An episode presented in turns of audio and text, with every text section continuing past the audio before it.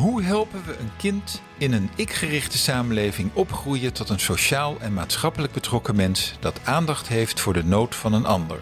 Hoe komen we tot meer onderlinge verbondenheid en meer verantwoordelijkheid voor elkaar? En hoe voorkomen we dat onze kinderen gaan behoren tot de groeiende groep slachtoffers van de huidige prestatiemaatschappij? Psychologen en auteurs Paulien Kuipers en Marilse Eerkens zijn ervan overtuigd dat het antwoord op deze vraag begint met serieuze aandacht voor de band die het jonge kind vanaf het begin kan opbouwen met veilige anderen. De ouders natuurlijk, maar ook de crashjuf en later de leerkrachten op school. In de podcastserie Van Ik naar Wij gaan zij op onderzoek uit naar wat dit betekent in de praktijk. Voor kinderen, voor ouders, eigenlijk voor iedereen die met kinderen omgaat. Welkom bij onze podcast van Ik naar Wij. Vandaag praten Paulien en ik uh, met Bram Bakker, voormalig psychiater, maar nu vooral bekend om zijn boeken, lezingen en podcasts, waarin hij aandacht vraagt voor een aantal terugkerende thema's, zoals bijvoorbeeld de invloed van sporten en voeding op je emotionele welzijn, maar ook over de invloed van vroege jeugdervaringen op je latere functioneren als mens. Welkom Bram op onze podcast. Fijn dat we met je kunnen praten vandaag. Uh, ik wilde graag beginnen met een stelling uit de inleiding van je boek Oud Zeer, dat Pauline en ik allebei met veel interesse hebben gelezen. Uh, in die inleiding schrijf je: Het is mijn stelling dat hulpverleners door hun verleden ongeveer even gekleurd zijn als de mensen die ze proberen te helpen.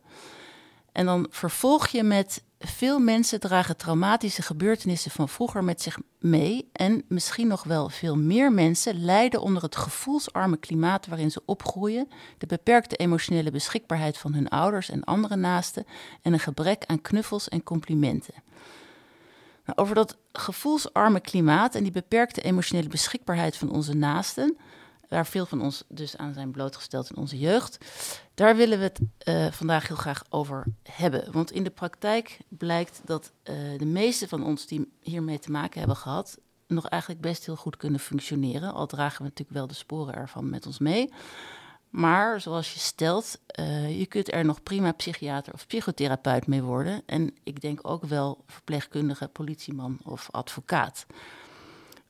Maar waar we het dus over willen hebben, is wat dit dan wel met je doet. Um, zou je om te beginnen iets kunnen vertellen over de invloed van zo'n gevoelsarm klimaat of van zo'n beperkte emotionele beschikbaarheid? Wat, wat moet je je daar precies bij voorstellen? Ja, ik, ik ga gelijk al een beetje stijgen. Mm -hmm.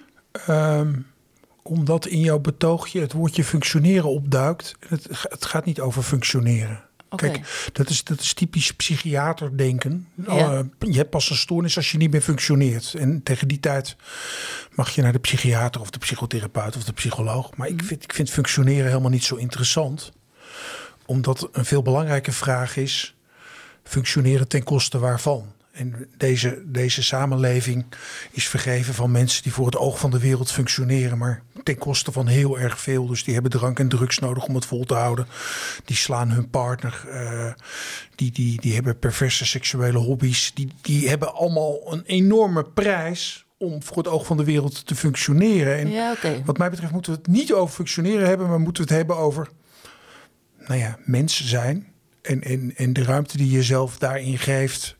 Uh, ook, ook op alle kwetsbare terreinen. En het allergrootste probleem, en dat, dat is wat mij betreft waar het bij oudseer over gaat, is dat de kwetsbaarheid die we allemaal in ons dragen, dat die er zo weinig nog maar mag zijn. Ja, maar, maar wat ik denk dat we het helemaal met elkaar eens zijn. Wat wij echt bedoelen is dat, voor, maar voor de buitenwereld lijkt dit. Ik denk dat je als buitenstaander vaak het gevoel hebt uh, dat heel veel mensen nergens last van hebben. Dus in die zin bedoel ik, dat is onzin, maar ja. dat is wel wat je denkt. En, en, en als je en maar het, hebt... het meet je niet af aan de maatschappelijke positie. Sterker nog, rijk en beroemd is gemiddeld suicidaler dan niet rijk en niet beroemd. En dat ja. heeft maar één reden. Ze hebben gefantaseerd dat als ze rijk en beroemd waren, dat het dan goed zou komen. En dan komt het nog steeds niet goed. Ja. We maken elkaar dol met doelstellingen, followers op Instagram en dat soort gekkigheid. Terwijl dat natuurlijk in onze emotionele huishouding niks oplost. Maar goed, nogmaals, dan lijkt het dus voor anderen alsof het allemaal prima gaat. Dus wat, wat ons interesseert is dat uh, je kan nog best een redelijk normaal leven leiden. In ieder geval hè, voor, de, voor het oog van de buitenwereld. Terwijl er eigenlijk heel veel aan de hand is. Ja, niets is wat het lijkt. Niets is wat het lijkt. Dus precies. beoordeel mensen niet op het Ja. beeld naar de buitenwereld. Want achter de Nederlandse voordeuren gebeuren gruwelijke dingen. Ja, En een van de dingen waar ik me ernstig aan stoor is dat we heel goed zijn in ons bekommeren om anderen. Terwijl we er gewoon thuis nog steeds echt een puinhoop van maken. Of niet opruimen wat daar aan werk te doen is. Dus we gaan heel makkelijk in de hulpverlenerstand. Terwijl we onszelf hulp moeten verlenen. Als je dat zo zegt, dan betekent dat mensen eigenlijk allemaal met een, niet allemaal, maar heel veel mensen met een wond rondlopen. En een wond die ze toedekken. Ja, of klopt. een wond die ze alleen voor zichzelf voelbaar maken. Of die in probleemgedrag naar buiten komt. Hè, door een ander te slaan omdat je je zo ongelukkig voelt, bijvoorbeeld. Ehm, als je nu denkt aan jezelf van vroeger. Want je hebt een prachtig boek Ja. geschreven, Oud Zeer. En je denkt, er gebeurden allemaal dingen achter de voordeur die niet goed waren. Mhm. Wat denk jij dat jij als klein jongetje nodig zou hebben gehad ehm, om niet zo veel hard te moeten werken later om de schade meer te helen? Wat zou je nodig hebben gehad als kind? Nou, eh, dat, dat de sores van mijn ouders niet bij mij waren beland. Nog ver voordat ik daar iets over kon denken of weten of voelen. Dus die, die kindjes waar het niet goed mee gaat. Die, die hebben helemaal geen bewustzijn. Die, die gaan, al, gaan al in het verkeerde standje. Omdat de emotionele beschikbaarheid van die ouders tekort schiet. Wat die Zeker. ouders natuurlijk meestal ook niet kunnen helpen. Dus, dus het wordt hier al gelijk ingewikkeld. Want het klinkt dan heel snel alsof, alsof je je ouders verantwoordelijk houdt voor iets. Maar die, die ouders doen met de beste bedoelingen gruwelijk foute dingen. Dat, dat, is, dat is hoe het werkt in het leven. En als het dan niet goed gaat met een kind, wat zou er dan. Ja, wat heeft zo'n kind nodig? Als je nu aan de wereld van nu denkt, al die gesloten voordeuren. Eigenlijk in onze ik-gerichte wereld, waar iedereen het maar op moet soppen zelf, kinderen met name. Wat zou er moeten gebeuren? Wat, wat, Ja, het, kijk, het is allemaal de grote filosoof Johan Cruijff. Simpel is het moeilijkst. Maar emotioneel beschikbare ouders. Die, de eerste 10, 12 jaar. Ja, dan, dan ziet de wereld er anders uit. Echt, echt het is er iemand die dan kan helpen? Hoe zie je dat voor je? Wat moet er veranderen? Nou ja, om te beginnen zouden mensen voordat ze zich gaan reproduceren... misschien een beetje moeten leren over hoe dat, hoe dat er allemaal aan toe gaat met kindjes. Want ze hebben natuurlijk geen flauw benul. En, en als jij denkt dat je als tweeverdieners... een gezond, emotioneel evenwichtig kind kan produceren... door de zorg uit te besteden aan een au pair... dan gaat er al gelijk een heleboel mis. En toch verkeren heel veel mensen in die, in die veronderstelling... want we brengen samen anderhalve ton binnen. Dus dat kind komt niks tekort. Dat kind komt alles tekort. Emotioneel beschikbare ouders. Kun je een voorbeeld geven, of voorbeelden? Wat, wat doet het met je als kind of als mens als je geen emotioneel beschikbare ouders hebt? Of althans, te weinig emotioneel beschikbare ouders. Nou ja, dat, dat, dat kan alles met je doen. Eh, wat, kan het niet doen? En dit is ook de reden waarom ik denk... al die, al die psychiatrische labeltjes zijn niet zo interessant. Omdat we weten, ook, ook gewoon uit degelijk wetenschappelijk onderzoek... dat wat je als kind bent misgelopen... dat, dat kan zich vertalen in alles in je volwassen leeftijd. Je kan verslaafd worden, je, je kan een eetstoornis krijgen... je- depressief, psychotisch, wat niet. Ja, kijk... We, kijken altijd, en dat is eigenlijk mijn, mijn belangrijkste betoog in dat, in, dat, in hele oude zeerboek. We kijken altijd naar gebeurtenissen die niet hadden mogen plaatsvinden en die dan impact hebben. Dan hebben we het over trauma en dan gaan we moord en brand schreeuwen dat iemand een trauma heeft meegemaakt. Nou, ik vind, ik vind een enorme overrating van trauma, omdat trauma hoort bij het leven. Dus laten we nou niet al te ingewikkeld doen. Op een dag gaat er iemand dood waar je veel van houdt en dat heeft impact. Om nou alles maar trauma te gaan noemen, trauma hoort bij het leven. Wat, wat veel minder in ons doen en denken zit, is dat wat er niet was. En dat heet dan in vakjargon emotional neglect. De impact daarvan is aantoonbaar groter dan van een oom die zijn handen niet thuis kon houden... of een vader of moeder met losse handjes. Ook niet fijn, maar laten we het nou even in het juiste perspectief zetten. Ja, ja, en jij vindt dat daar eigenlijk veel te weinig aandacht voor is, voor die emotionele Nou ja, het- niet beschikbaar het, zijn. Het is geen erkende diagnose. Het is natuurlijk niet hip om het te hebben over alles wat je niet gehad hebt. Want jij, je ouders deden toch hun stinkende best. ja, Kijk, ik, ik, ja, ja, maar dit, dit wat jij vertelt, hè, dat botst eigenlijk met, nou ja, met, met hoe de meeste therapeuten op dit moment denken over. eh, nou ja, dus, nou, ik moet het eigenlijk anders zeggen. Je, je, je- we, hebben, we zijn heel erg geneigd om kinderen allerlei labels te geven. Eh, heel veel ouders zullen zeggen: ja, zo is mijn kind geboren, dat is een genetisch defect. Of er is gewoon ja, iets met dat kind wat niet helemaal goed is of niet helemaal spoort. Daar kunnen wij niks aan doen. Maar jij zegt eigenlijk dat. Dat is allemaal, is allemaal psychologie van die ouders. En ik begrijp wel dat je, dat je heel graag wilt dat het niet aan jou ligt. Want je houdt van je kind en je hebt je stinkende best gedaan. Mijn ouders ook. Maar ja, ja ondanks goede bedoelingen kunnen er dingen gruwelijk misgaan. En, en dan kom je gelijk in het ingewikkelde domein van dader en slachtoffer. Ik ken geen dader die niet ook slachtoffer is. En ik ken ook geen slachtoffer die niet toch ook ergens, als hij of zij daartoe bereid is, over het eigen aandeel kan nadenken. Mhm. Nou, in deze extreem gepolariseerde samenleving is iedere relativering van een witte man van mijn leeftijd die seksueel grensoverschrijdend gedrag vertoont, is, is onmogelijk.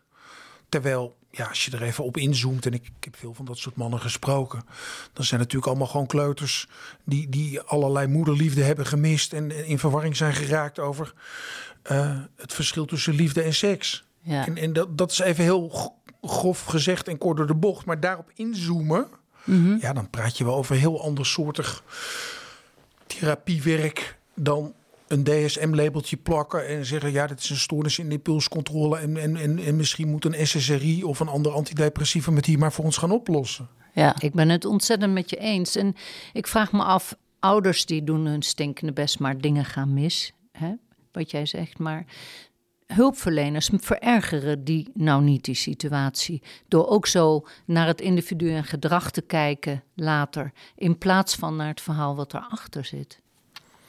Nou, kijk, hulpverleners zijn uiteindelijk loodgieters die thuis een lekkende kraan hebben. Dus die hulpverleners die zijn gemiddeld genomen mensen die vroeger meer zijn misgelopen mhm. dan de mensen die tuinman of kruidenier of timmerman zijn geworden. Dus mensen kiezen voor dat beroep vanuit een verlangen naar heling.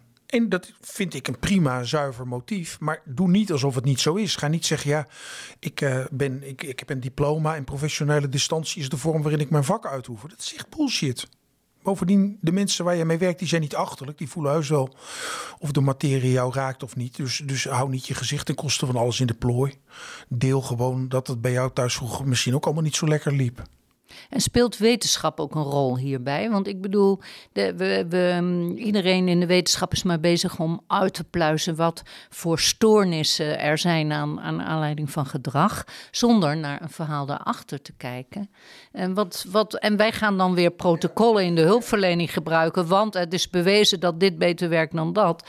Wat eh, maken we het zo met elkaar niet verschrikkelijk veel erger? Nee, het is het failliet van de zorg. Kijk, wetenschap is, is, is je baseren op gemiddelde. En als jij bij mij met, met een probleem komt in jouw leven en ik zeg nou, dan gaan we je nu heel gemiddeld behandelen. Dan zeg je ja, maar daar ben ik helemaal niet, want er is niemand met een verlangen om gemiddeld te zijn. Dus het gaat over mensen die vastlopen in hun verhaal. En wat je dan nodig hebt, is iemand die aansluit op het verhaal. En zegt, ja, je bent nu in hoofdstuk 8. En dat, dat, ik begrijp dat het niet lekker loopt. Maar volgens mij ben je een bijfiguur in hoofdstuk 3. Die ben je vergeten. Dus volgens mij moet in hoofdstuk 9... moet er toch weer aandacht komen voor de bijfiguur uit hoofdstuk 3. En dan ben je dus... Ja, wat ben je dan aan het doen? Ben je iemand aan het helpen met zijn verhaal? Nou, dat noemen we dan therapie. En dat moet dan cognitieve therapie zijn. Want dat is evidence-based. Maar je voelt natuurlijk dat die afstand dat die immens is. En niet iedereen kan iedereen helpen met zijn verhaal. Ik ben best, denk ik, redelijk goed in mijn vak. Maar vooral ook bij de gratie van het feit dat, dat ik erken dat er ook mensen zijn waar ik niet mee klik. En die ik niet kan helpen. En waarvan ik het verhaal niet begrijp. Nou, dat is een enorm taboe. Wat bedoel je met die afstand? Je voelt dat die afstand immens is. Nou ja, kijk, wij, wij, wij, wij, doen, wij doen alsof wij neurowetenschap uitoefenen. Dat is totale flauwekul. Want wat we nodig hebben om goed met elkaar te kunnen werken, is dat we verbinden. We verbinden niet via onze hersenschors. We verbinden via ons lichaam, via ons hart, via onze onderbuik, ja. via ons emotionele brein, maar niet via de hersenschors. Dus we hebben de zorg ingericht als een rationeel product. terwijl verbinding gaat aan alles vooraf. Ja. Maar misschien is het probleem dat, dat die, die, die emotionele relaties, die emotionele verwaarlozing in die kindertijd, dat is natuurlijk heel moeilijk meetbaar, want dat is natuurlijk heel subtiel. en dat is natuurlijk de reden dat het dus. Daar kan je geen wetenschap op bedrijven. nee, dat is natuurlijk het grote probleem waarschijnlijk. Ik lees net Gabor Maté en die, die beschrijft zo treffend dat hij met, met, met, met zijn. Uh, uh, nou ja, met zijn ADD. Ik heb niks met die diagnose, maar wel met zijn verhaal. Dat die andere ouders had dan zijn broer die na hem kwam en de broer die daar weer naar kwam. Omdat de omstandigheden waaronder die jongens werden geboren, die waren zo anders. Dus hij zegt, we zijn wel drie broers met dezelfde ouders. Maar we hebben alle drie verschillende ouders. Dan is er dus geen wetenschap meer mogelijk. Punt. Ja dat is inderdaad een heel vaak terugkerend argument als één kind het minder lekker doet of emotioneel niet helemaal goed uit de verf komt, dat uh, ouders dan zeggen: Ja, maar ik ben toch dezelfde ouder geweest. Hoe komt het dan dat hè, Pietje wel goed uit de verf komt en Jantje niet? Um, maar goed, jij zegt dat is, je bent hè, voor iedere kind ben je een andere ouder. En ik heb ook wel eens gelezen, je hebt ook natuurlijk met ieder kind een andere relatie, want ieder kind heeft een ander temperament. En als ouder sluit je makkelijker aan bij het ene kind dan bij het andere kind. Maar pas op, hè, want temperament wordt nog erg overgewaardeerd als iets waar je geen invloed op uit hebt. En ik denk dat het omgekeerde veel waarder is. Het, het uit kunnen rijpen tot een gezonde, evenwichtige volwassene ja. heeft om te beginnen niets met temperament te maken. Natuurlijk zijn er verschillen in temperament, maar die worden vooral gebruikt als excuus voor, voor het niet kunnen voorbrengen van gezonde, evenwichtige volwassenen. En dan, ja, Jantje was altijd al lastig. Ja, hou op, joh. Het enige waar je over na moet denken, vind ik, want jij hebt gekozen om die kinderen te krijgen, is over jouw aandeel. Ja, dat vinden we lastig. We hebben liever een labeltje en een receptje. Want dan, dan, dan zijn wij gevrijwaard van schuld. Ja, maar ik, ik, ik bedoel, ik denk wel dat het voor, de, voor een ouder makkelijker is om aan te sluiten bij het ene kind dan bij het andere, toch? Ik bedoel, het is niet, ik, ik zeg niet dat dat goed is, maar het, het is wel goed voorstelbaar dat dat gebeurt. Het, maar het, het zit zo in de formulering. Wat mij betreft zou je echt, echt moeten zeggen: het ene kind is een grotere uitdaging dan het andere. Ja, oké. ja. En we, we willen toch al die kinderen even goed op hun pootjes laten landen. Mijn, mijn drie kinderen zijn echt verschillend. En met de een gaat het soepeler dan met de ander. Mhm. Dan kan ik wel zeggen dat het aan hun temperament ligt. Maar ik heb me te verhouden tot die kinderen. En dan is het met de een gaat het minder soepel dan met de ander. En, en wegblijven bij een oordeel of een labeltje. Het is zo zo verleidelijk als een van die jongens mij het leven zuur maakt om te zeggen: heb toch een tikje een stoornis. En, en dan kan ik dan wel zeggen: ja, ik heb het ook, dus het is verder niet erg. Maar dit is ook echt een ADHD'ertje of zo. Ja, ja, ja. ja, dan, Dan, dan delegeer ik dan delegeer ik de verantwoordelijkheid die ik als ouder heb. Dat moeten we niet doen. De zorg is er niet om ouders die het niet op eigen kracht redden uh, van een excuus te voorzien. De zorg is er om ouders te ondersteunen in hun zoektocht naar hoe moet het dan wel? Ja, en dat gebeurt te weinig, vind je? Ja, natuurlijk gebeurt helemaal niet. Ik vind het heel mooi hoe je uh, eigenlijk de taal verandert. Hè, dat je het een uitdaging noemt. En tegelijkertijd zeg jij heel mooi van... het zit eigenlijk in het tussen. Het zit niet alleen bij dat kind. Het zit ook bij mij. Het zit in de chemie van samen. Het zit in wat we samen neerzetten. Dat klopt, hè? Ja, alles, alles is interactie. We, we zijn echt alleen maar mensen in relatie tot andere mensen. En, en hoe dichterbij en hoe intiemer dat contact... hoe beter het ons lukt om mens te zijn. Wat overigens ook geldt voor het delen van gruwelijke nare gebeurtenissen en hele pijnlijke emoties. En nu zitten we ongeveer op de helft van dit interview. Hè? Um, we hebben gekeken wat gaat er allemaal niet goed. Maar ik ben ook heel benieuwd naar jouw gedachten, Bram. Uh, Oké, zo is het nu. Daar hebben we allemaal commentaar op hoe het gaat in de hulpverlening en wat voor visies er ontwikkeld zijn en wat, waar mensen eigenlijk met wonden mee rondlopen en wat dan misschien niet goed, zeker niet goed benaderd wordt. Oké, stel we mogen helemaal opnieuw beginnen met de wereld en ook met helpen. Ja. Wat moet er gebeuren? Wat zijn de volgende stappen? Oh, het is echt, het is echt heel simpel. Wederom Johan Cruijff. Um, iedereen weet dat als het vliegtuig nu stort, dat je dan eerst je eigen mondkapje op moet zetten en dan pas dat van de kindjes naast je. En ik denk 9 van de 10 hulpverleners zijn dit vergeten op het moment dat er iets gebeurt met iemand in hun omgeving die van belang is. Dus ze gaan, ze gaan zorgen zonder dat ze voor zichzelf gezorgd hebben. Mhm. Ze gaan proberen verbinding te maken zonder dat ze met zichzelf verbonden zijn. Dus wil jij een goede therapeut, hulpverlener worden in deze zachte materie, dan zul je eerst je eigen zachtheid moeten verkennen, onderzoeken, uitwerken. Dus heel veel werk aan jezelf en als je dat een beetje gedaan hebt, dan kan je andere mensen helpen. Maar je verschuilen achter een diploma en zeggen: met mij gaat alles goed. Dat is, eigenlijk is het oplichterij. Het is, het is, het is, het is... Vind je dat het onderwijs dan een rol heeft daarin? Tuurlijk. Want, Wat kijk, dan? Nou ja, wij, wij, van alle zoogdieren worden de mensen met de minste rijpe hersenen geboren. Hè? En dan neemt vanaf het moment dat je op aarde komt, als neonaat, neemt de hoeveelheid hersenvolume, die neemt met een factor 4 toe. Dus we hebben een kwartje als we, als we beginnen. Terwijl een kalfje uh, kan al op dag 1 staan en lopen. Dus we zijn echt zo extreem kwetsbaar. En dat duurt wel. Nou, de laatste inzichten zijn dat die prefrontale cortex een beetje is uitgrijpt als we 25 zijn. Dus we zijn die eerste 25 jaar zijn we heel erg kwetsbaar in het uitrijpen. En dat betekent dat we talenten kunnen benutten, dat is ook belangrijk. Maar dat we ook ongelukken kunnen voorkomen. Nou, dat betekent dat alles wat op preventie gericht is, al in het onderwijs begint. Want vanaf die kinderen vier zijn, en dan reken ik de, de uh, kinderopvang nog even niet mee, delegeren we ze de, ongeveer de helft van de tijd dat ze wakker zijn aan instellingen, instanties en, en, en uh, liefhebbende leerkrachten. Die in die vorming een verschrikkelijk grote rol spelen. Nou, het onderwijsstelsel kan wat mij betreft vandaag op de schop. Want wat ze daar leren, behalve rekenen en taal, dat schiet ernstig tekort. Wat vind je dat toegevoegd moet worden?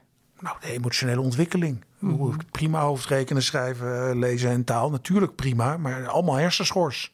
Terwijl onze emoties zitten niet in onze hersenschors, die, die zitten in ons lichaam. hoe zou je dat kunnen doen dan op school? Welke rol heb je daar ideeën over? Jazeker.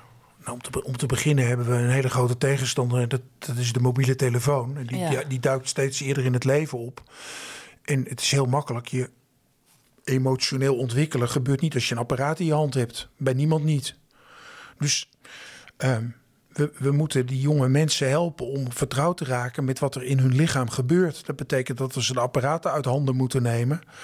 En, en ze moeten laten verkennen hoe, hoe dingen voelen. We moeten de, de, de, de, de, de kringgesprekjes op maandagochtend moeten we niet alleen laten gaan over de succesnummers van het weekend. Ik ben met papa en Ajax geweest, maar ook over de pijnlijke punten. Mama had weer gedronken en uh, papa en mama hadden ruzie toen ik werd opgehaald. En ik moest weer, ik moest weer mee naar papa zijn nieuwe vriendin en dat is een heks. Allemaal die dingen. En, en, en dan dat delen. En nou ja, je ziet het al aan je eigen reactie. Dat is toch een beetje gênant. Ja, dat is wel een beetje gênant. Ja. Maar dit is het leven van al, boel, al, die, al die huwelijken die klappen. En, en, en we gaan dan echt scheidingsadvocaten inhuren voor mediation. Dat is niet waar het over gaat. Het gaat allemaal over kwetsbare, pijnlijke emoties. Van die ouders die gaan scheiden, want die werden ooit heel erg opgewonden van elkaar. En nu willen ze elkaar doodmaken, want zij is borderline en hij is narcist. Die mensen zijn helemaal in de war. En dat komt allemaal bij die kinderen terecht. Nou, de school, het onderwijs, natuurlijk de plek bij uitstek om een bijdrage te leveren aan het voorkomen van de schade die die gekke ouders met hun goede bedoelingen toch veroorzaken. Maar dan moet je bijna wel. Kan je dat aan als, als juf? Ik bedoel, is dat niet een enorme taak daarbij? Ik, ja, ik, wil, ik, ik, ik zit nu heel praktisch te denken. Maar ik begrijp wel wat je zegt, maar misschien. Ik weet dat René Dijkstra bijvoorbeeld wel eens heeft gepleit voor. Uh, nou, gewoon psychologieles op de middelbare school. En ik geloof dat op de scholen waar ermee geëxperimenteerd is, dat het ook echt best wel een succes was. Dat die kinderen dat ook heel interessant vonden. Is maar dan blijft het cortex. Hè? Dan, en het, dan... Wordt, het, het, wordt heel snel praktisch ingevuld. En dan kan je het afvinken van dat hebben we ook gedaan. Mm Terwijl het gaat wat mij betreft over iets wat dwars door alles heen loopt. Ja, je emotionele welzijn en je emotionele beleving van de dingen. Hoe, hoe wij ons voelen vindt iedereen het belangrijkste. En als je kijkt hoeveel aandacht we eraan besteden, dan, dan is het schrikbarend. We willen allemaal gezond oud worden. Maar wat nodig is om gezond oud te worden, dat doen we niet. Want we zitten op onze telefoon en we hebben een deadline. Ja, maar dus misschien zeg je dat uh, moeten leraren dat ook misschien wat meer voorleven of zo. Dat het veel normaler is om je gevoel nou te delen. Om te beginnen, die ouders, weet je, ik krijg, ik krijg dan zo'n mevrouw over de vloer uit het mythische aardehout. En die zegt, ja, ik, mijn kind gaat niet naar de jeugdzorg. Maar, maar, maar dit is Roderick Jan en hij is gameverslaafd. Ja. Waarop dat ventje uh, venijnig en ook heel grappig zegt. En jij dan met je witte wijn in je telefoon. En, en dan heb je toch het probleem, weet je je kan zeggen hij is het probleemgeval, maar het begint eerder, het begint elders. En, en, en, en die mevrouw die zegt ja, ik weet niet wat jij kost, maar maakt mij niet uit als het maar helpt. Dan zeg ik ja, dan moet jij misschien eens gaan nadenken over aanwezig zijn als ouder. Mhm. wat, wat, wat, zou je, wat kunnen ouders doen? Ouders die nu misschien luisteren, wat, die, die misschien bepaalde dingen herkennen en die ook denken van nou, er is ook allerlei oud zeer wat ik meeneem in de opvoeding en ik, ik, weet wel dat dat ook niet helemaal goed is.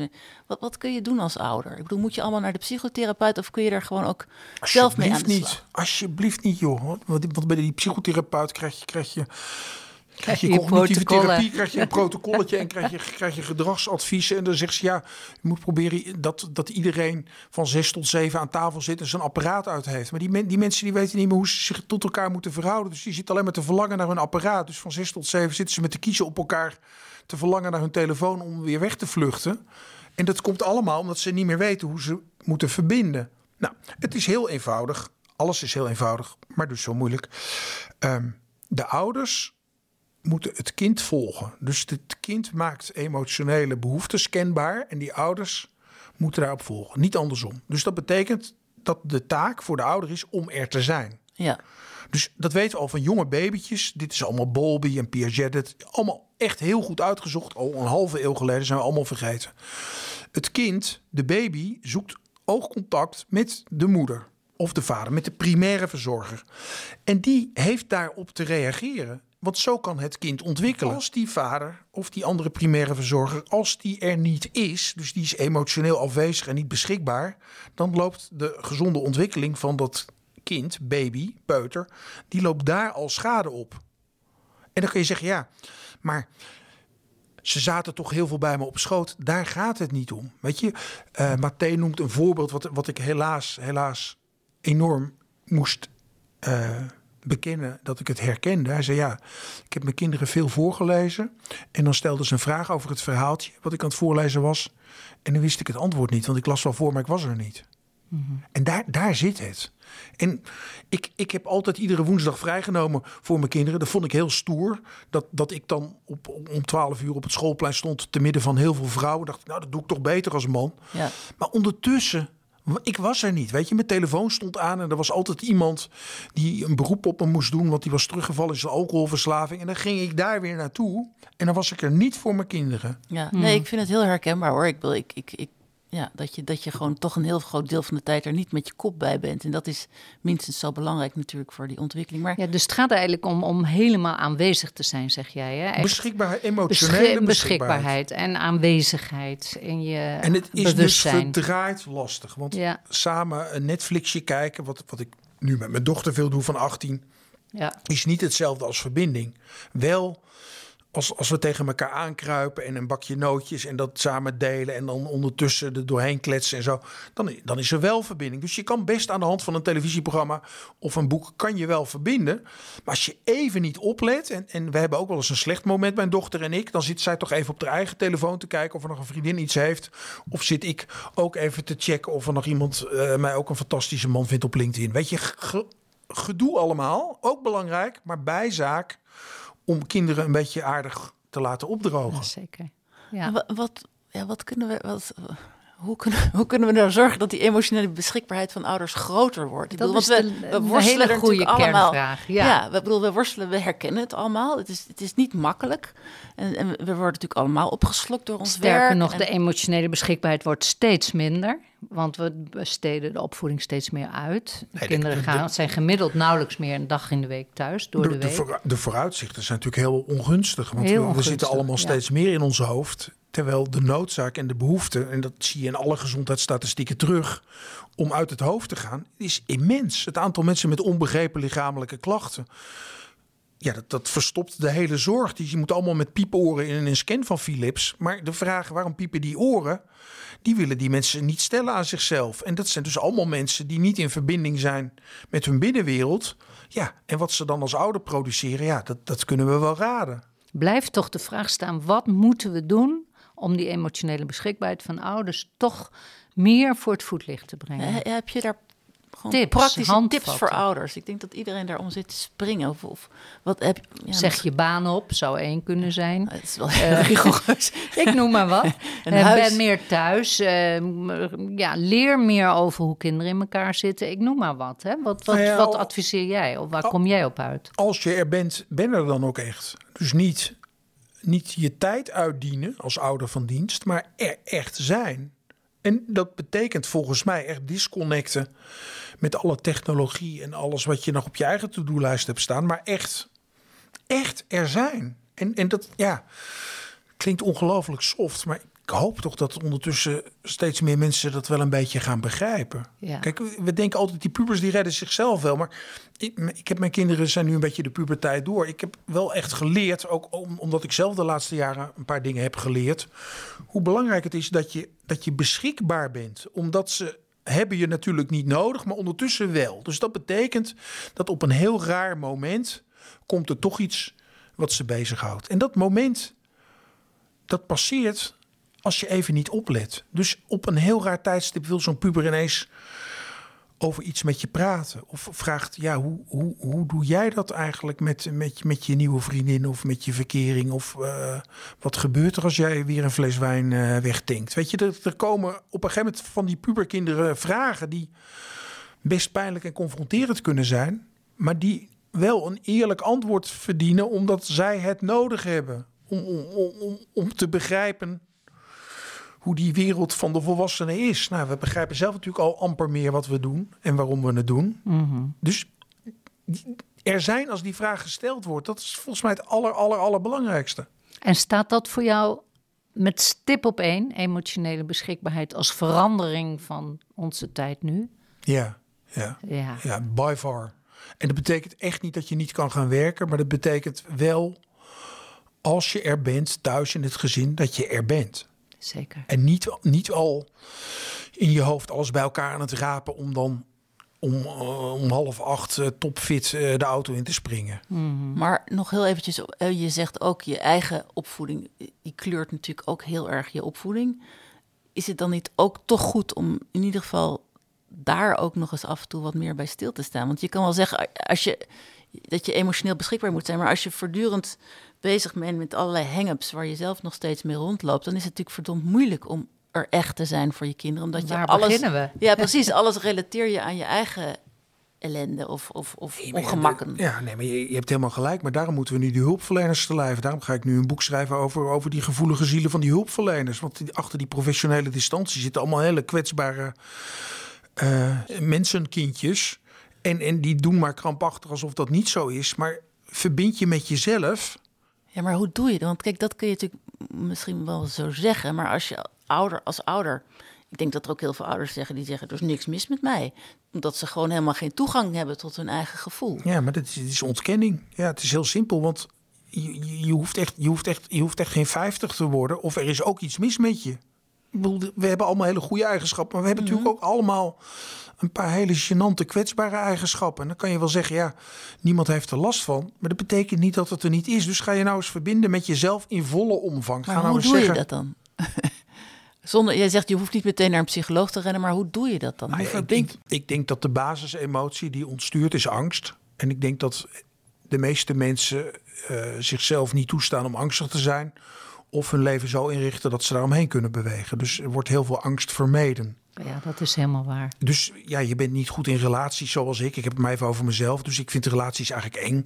Dus ga ik, ja, ga ik doen alsof het niet aan mij ligt. Maar Altijd aan nou die ja, vrouwen. Ja, nou ja, whatever. Maar uiteindelijk is, is maar één ding wat tot verandering kan leiden. Dat is wat, wat ik in mijzelf leer over hoe dat is ontstaan. En dan ga ik niet eh, om te beginnen mijn moeder de schuld geven. Want dat is echt veel te gemakkelijk. Dan moet Mhm. ik gaan bedenken wat maakt dat ik angstig ben in intieme relaties met vrouwen. En bij mannen ben ik er ook niet perfect in, maar daar, daar gaat het wat beter. Dus het is best een puzzel. Ja. Nou ja, wat ga ik dan doen? Eh, therapie en een zweethut en een familieopstelling en eh, weet ik wat ik allemaal niet gedaan heb. Heel, heel veel therapie, sowieso. Heel veel lichaamswerk. Nog, nog een marathon rennen en dan, nou ja, op, op, op, op een dag ben je, ben je een stukje onderweg en dan, het is nooit klaar. Hè? Dat iedere, iedere, iedere dag dreigt er een terugval. Ja. Kom ik iemand tegen, denk deze is het. Nou ja, dat is natuurlijk wensdenken. We hebben zoveel onderwerpen de revue nu laten Ja. passeren. En ik vind het ook heel mooi dat je nu eindigt met jezelf en je harde werk. Want eigenlijk is dat wat mensen moeten gaan doen, eigenlijk, hè, hoor ik je zeggen. En dat met stip op één de emotionele beschikbaarheid staat voor kinderen. Emotioneel beschikbaar zijn, bespreekbaar zijn, echte aandacht. Dat is een begin. Maar dan moet je ook met jezelf aan de slag. Begin bij jezelf en dan komt de rest vanzelf. Mooie eindzin. Bram, we bedanken je heel hartelijk. Ik, ik heb er echt veel van geleerd. En eh, Ja, als start van onze podcast is het een, een fantastische start. Nou, graag gedaan en dank voor de gelegenheid om maar weer eens een preek te houden. ik vond een heel erg leuk gesprek met Bram, want ik heb echt heel goed van hem begrepen dat het allerbelangrijkste is dat ouders bij kinderen emotioneel beschikbaar zijn, echte aandacht hebben, wakker zijn, wil een kind ook goed kunnen ontwikkelen, dus later zorg dragen voor anderen. Ja, ik, ik, vond dat ook uh, heel, heel uh, interessant om te horen. En wat ik vooral ook uh, interessant vond, is dat hij, dat hij zegt dat die emotionele beschikbaarheid misschien nog wel belangrijker is dan dat je een hele traumavrije jeugd hebt gehad. Hè? dat, dat, hij zegt eigenlijk, je kan als kind best wat aan. Uh, en, en we krijgen allemaal te maken met tegenslag. Maar de manier waarop we die tegenslag kunnen opvangen, dat dat eigenlijk heel erg afhangt van nou ja, de, de mate waarop. Ja, de, de mate waarin je ingebed bent eigenlijk in een gezin of in een omgeving. Ja, dat klopt, dat klopt. De, de warmte en de aandacht maakt dat je veerkracht ontwikkelt. Ja. Dat hoorde ik van Bram. Ja, dat vond ik ook heel opmerkelijk dat hij dat zei, dat dat zo bepalend is. Uh, en dat de apparaten noemt hij dat, ja. maar de mobiele telefoons en de games en de televisies en de schermen eigenlijk mensen afhoudt van die aandacht, die echte aandacht op elkaar. Ja. En dat dat met name dus voor jonge kinderen, nou ja, heel verstorend kan werken. Want als, er dus geen, als ouders geen emotionele aandacht hebben voor hun kinderen. En dat gebeurt zomaar. Ik bedoel, ik herken dat heel erg. Want ik heb, hè, eh, zeker als je werkt, eh, dan kan je ook op de dagen dat je vrij bent, dan ben je nog met van alles bezig. En ben je zomaar afgeleid en dan is het moeilijk om je hoofd er altijd bij te houden. Maar uh, ja, dus dat we daar echt wel meer aandacht meer op moeten letten als ouder. Ja. dat dat heel belangrijk is. Ik vind ook voor ons onderzoek van Ik naar Wij hoe krijgen we nou meer kinderen die opgroeien met emotionele beschikbaarheid? Ja, dat vind ik, vind ik interessant. Dat we nu iemand moeten zoeken die daar haar of zijn ogen op heeft gericht. Van hoe kunnen we ouders en kind in zo'n vroeg mogelijk stadium uh, emotioneel beschikbaar voor elkaar maken. Eigenlijk voor ouders voor het kind. Ja, dus, ja, dus we zouden kunnen kijken naar een lactatiedeskundige eh, deskundige of lactatiekundige. Iemand die dus in hele, nou ja, bij ouders die net bevallen zijn, veel over de vloer komt. En dus waarschijnlijk het nodige heeft gezien. Daar zou ik wel benieuwd naar zijn. Ik ook. We gaan op onderzoek uit. Ja, leuk.